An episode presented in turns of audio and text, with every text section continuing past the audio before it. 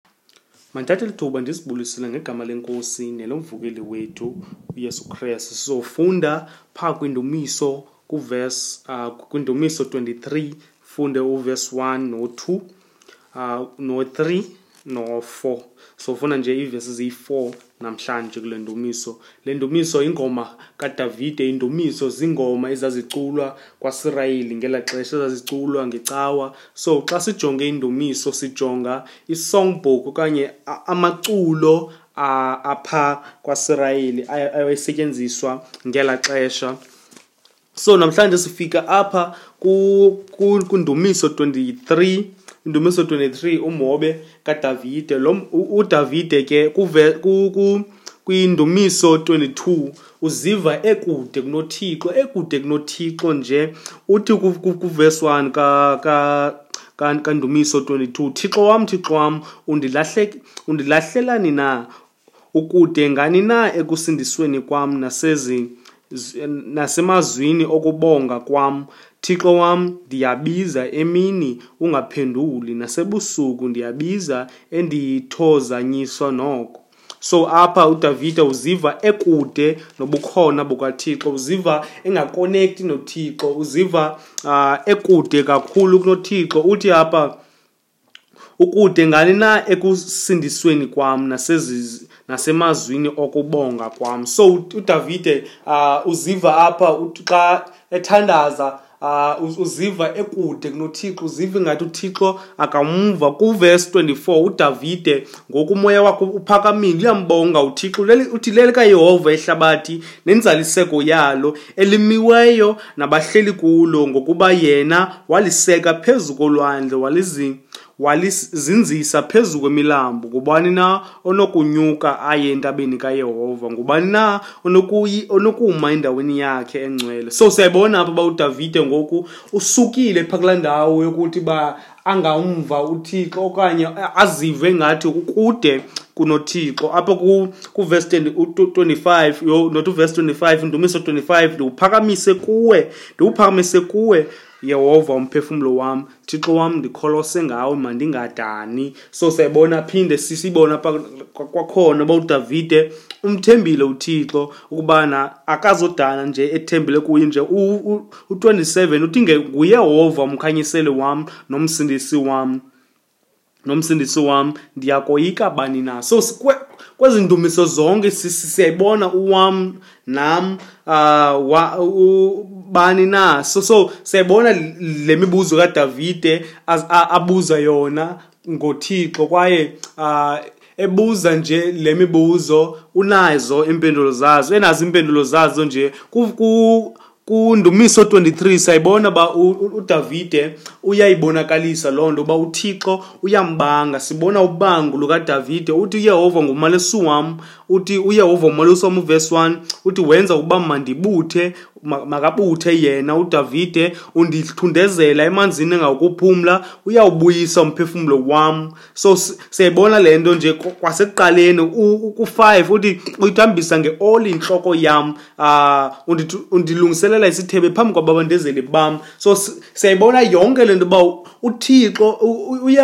uyehova lo um ukufutshane kudavide kwaye udavide unobudlelwane noyehova lo nothixo lo wakhe so siyayibona uba udavide apha akanelanga nje ukumazi uThixo kodwa waye wathini waba nobudlelwane kunye naye waba nobudlelwane kunye naye uthi uvesi 1 uyehova ngumalusi wam andisweli lutho wenza ukuba mandibuthe emarhiweni aluhlaza undithundezela emanzini angawokuphumla Uyawubuyisa umphefumlo wam, undikhaphela ezindleleni zobulungisa ngenxa yegama lakhe, ngokuba nokuba ndihamba emfuleni wethunzi lokufa, andiyigoyi kabubi, ngokuba unam wena, intonga yakho, umsimelelo wakho uyandithuthuzela.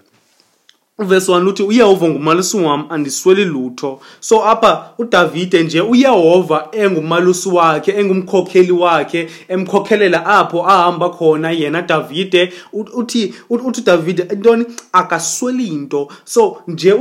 uthixo nje e, e, ekhokhela udavide udavide akasweli nto uthixo uyamenzela yonke into uh, ayifunayo kwaye yonke into ayidingayo davide noba udavide akayazi into ayidingayo uyafuna nje kodwa umalusi yena lo wamkhokhelayo uh, uyayazi into uh, udavide ayifunayo uyayazi into udavide ayifunayo sonke bonke abantu bafuna ukukhokhela bonke abantu bafuna ukukhokelela ezicaweni abantu bafuna izihlalo uh, epalamente abantu bafuna izihlalo napha uh, kwaye kuzo zonke indawo nasekuhlaleni abantu bafuna izihlalo eziphezulu kodwa asikwazi ukukhokhela singakhokhelwa thina so noba siyakhokhelwa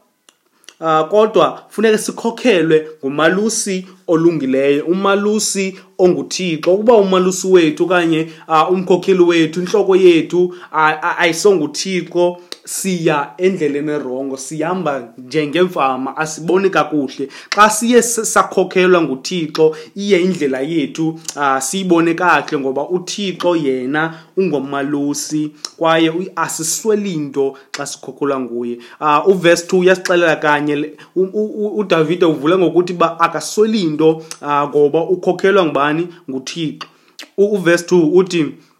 wenza ukuba mandibuthe emakriweni aluhlaza undithundezela emanzini angakuphumla amakriwa ke li mandithi libala apho ingca soloko ihlaza soloko ingca khona ihlaza uh, apho ingca uh, ayipheli ukubahlaza ayitshi ngoba intoni secam kwamanzi so amakriwa uh, kulapho ingca ehlaza ikhula khona kwaye ityebile indawo yakhona ingca ihleli ihlaza uh, njalo njalo so ihleli ihlaza okokoko oko ingca ihlaza igreen uh, ngoba icamka amanzi icamka amanzi nje ityebile uh, umhlaba wakhona so ingca yakhona uh, inkulu kakhulu uthi udavide apha wenza ukuba mandibuthe emakreweni aluhlaza uyehova oqala uvulile ukuba uthi ngumalusi wam umalusi ke ngumntu apho athi azikhokhelele azikhaphele iinkomo okanye ibhokho okanye igusha apho ukutya kukhona apho ingca uh, ifika tyini ibe nkulu khona ibe nesidlo khona ibe, ibe kube enough ilantuka ukutya for iibhokhwe zonke okanye iinkomo zonke anazo anazo umalusi lowo so apha umelusi onguthixo okhokhela udavide uthi udavide xa exelela kakuhle kule ngoma uthi wenza ukuba mandibuthe emaqiweni aluhlaza ukubutha ke siyayazi ukubana pha xa sihleli endlini uh, uh, sikline uh, senze yonke into kusasa phaa ngo-12 iitshomi zethu zifike zifike zithini zihlale xa uh, xa ebuzwa kokwabo ukuba uphi uzothi hayi uhambe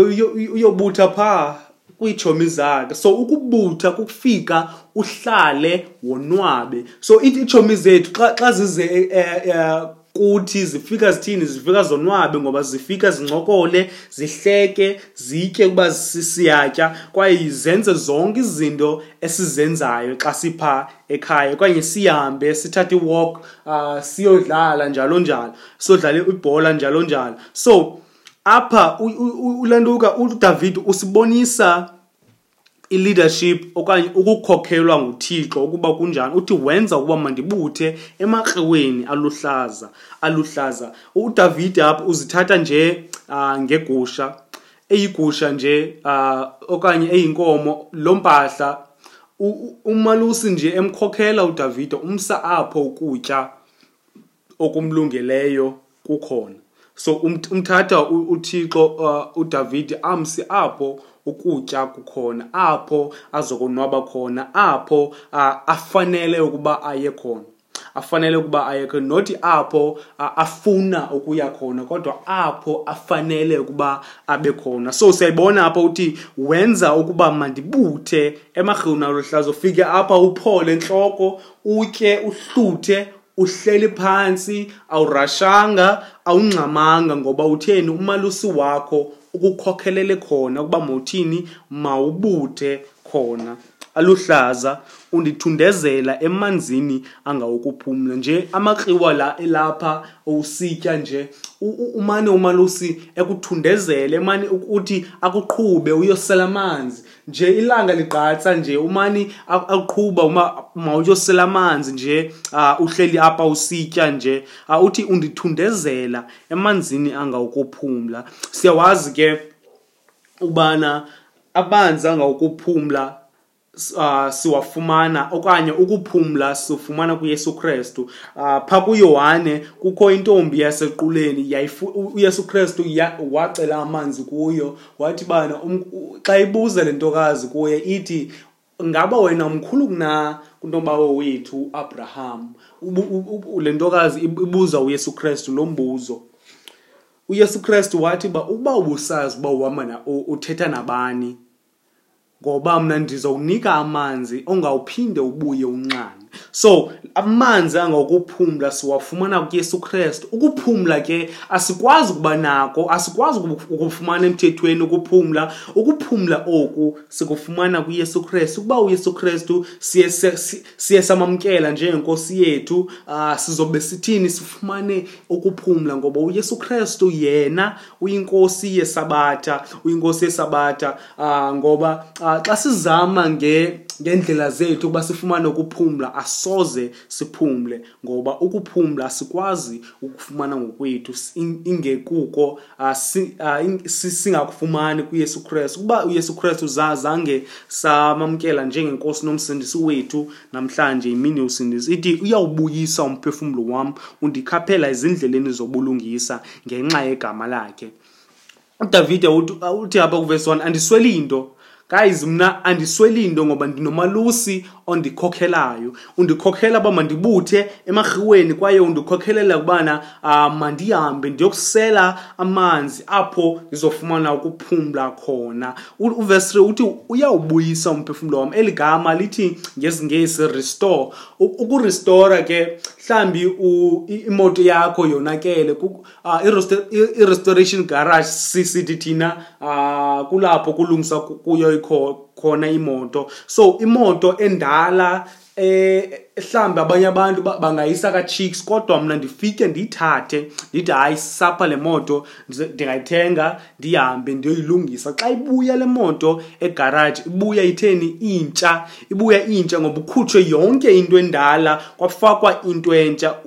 udavide uthi apha uthixo wenza le nto emphefumlweni wam uthini uyawubuyisa umphefumlo obulahlekile umphefumlo obusenza zonke izinto ezenziwayo ngaphandle umphefumlo apho ubukhathazekile ungonwabanga ugcwele nje zizinto ezimbi azenzayo kodwa apho udavide ndothi um ndadibana nalo thixo uthini wawuthini uyawubuyisa umphefumlo wam akapheleli apho athini andise apho kufuneke ndiye khona kodwa uyanditshintsha ngaphakathi uthi uyawubuyisa umphefumlo wam undikhaphela ezindleleni zobulungisa ubulungisa ke kukwenza into elungileyo wenza into elungileyo uh, uh, uye uwenza into elungileyo ne ithi apha ngenxa yegama lakhe so undikhaphela ezindleleni zobulungisa ngenxa yegama lakhe udavide apha ngamanye amagama uthi bana uthixo umenza ukuba enze izinto ezilungileyo ukuze igama likathixo linganyeliseki so xa silapha kule ndlela yobukrestu nje sihamba sithi sisindisiwe sisindis, kwaye abantu abangaphandle emadongeni e, e, ebandla basijongile ukuba sihamba njani sihamba njani amanyathelo ethu athini e-eriyeni sijongiwe uba sihamba njani nje sisiya ecaweni uh, umhla nezolo nje sifunda ntoni yintoni esibuya nayo kwaye sibuye siyisebenzise utshintshe umphefumlo wethu le ndumiso ke yayingabhalelwanga wonke umntu ukubana awusindiswanga awunabudlelwane nothixo le ndumiso udavide akayibhalelanga wena ngoba le ndumiso ndumiso apho yomntu ah, onobudlelwane nothixo owaxolelwa izono naye kodwa uthi uverse 3 uyawubuyisa umphefumulo wami as more uh, xa ufunda ibhayibhile ngokuyifunda unyaka nonyaka imini nemini ufunda into entsha so udavide uthetha loo nto apho ukuba uyawubuyisa uyawurestorisha uyawulungisa umphefumulo wam uyawutshintsha ngaphakathi uyawutshintsha umoya wam izinto ebendizithanda phambi kokuba ndisindiswe andisazithandi ngoku andisazilandeli andiyiniki attention yam kuzo ngoba nditheni ndinomalusi ondikhokelelayo ndinomalusi ondikhokhelayo uthi nokuba ndihamba emfuleni wethunzi lokufa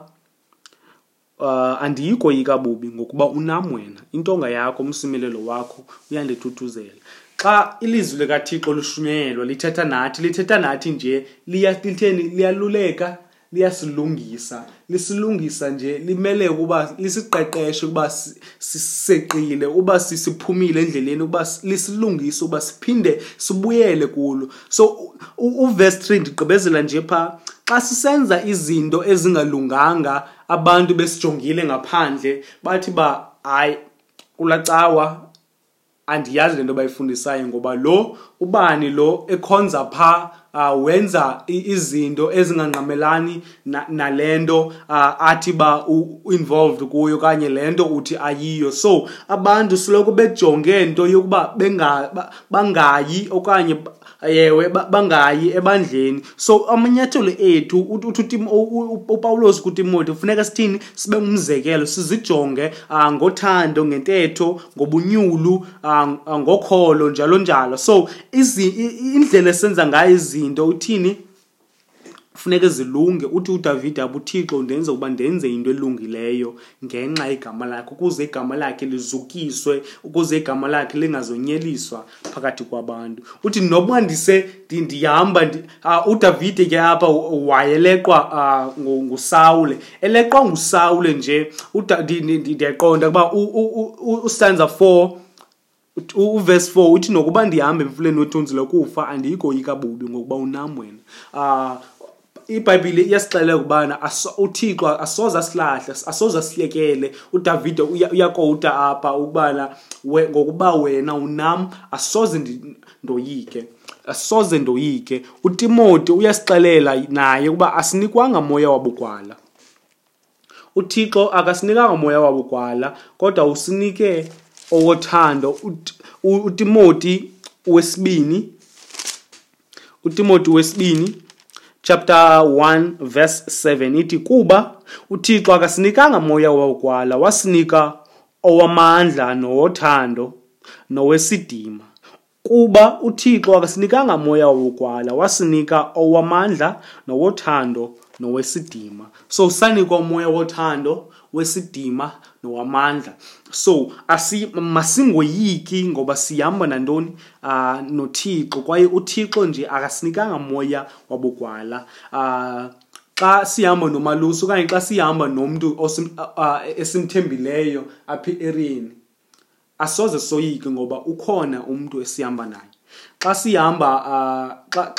xa uhamba notatakho e-ereni estoat awusoze woyike ngoba utheni uhamba notatakho xa uhamba nobhuti wakho esitratweni esinezinja soze woyike ngoba ukhona umntu ozokulwela ohamba naye so udavide wayithetha loo nto apho uthi ubana ngokuba wena unam wena soloko uhamba nam oko koko so siyayazi uba umelusi uhamba nezimvu zakhe rhoqo ehamba nazo nje uyazikhusela apho kukufike udyakalashi apho kukufike izinto ezizolimaza izimvu ezi ahamba nazo impahla le yayiqhubayo ufika ayibethe ngentonga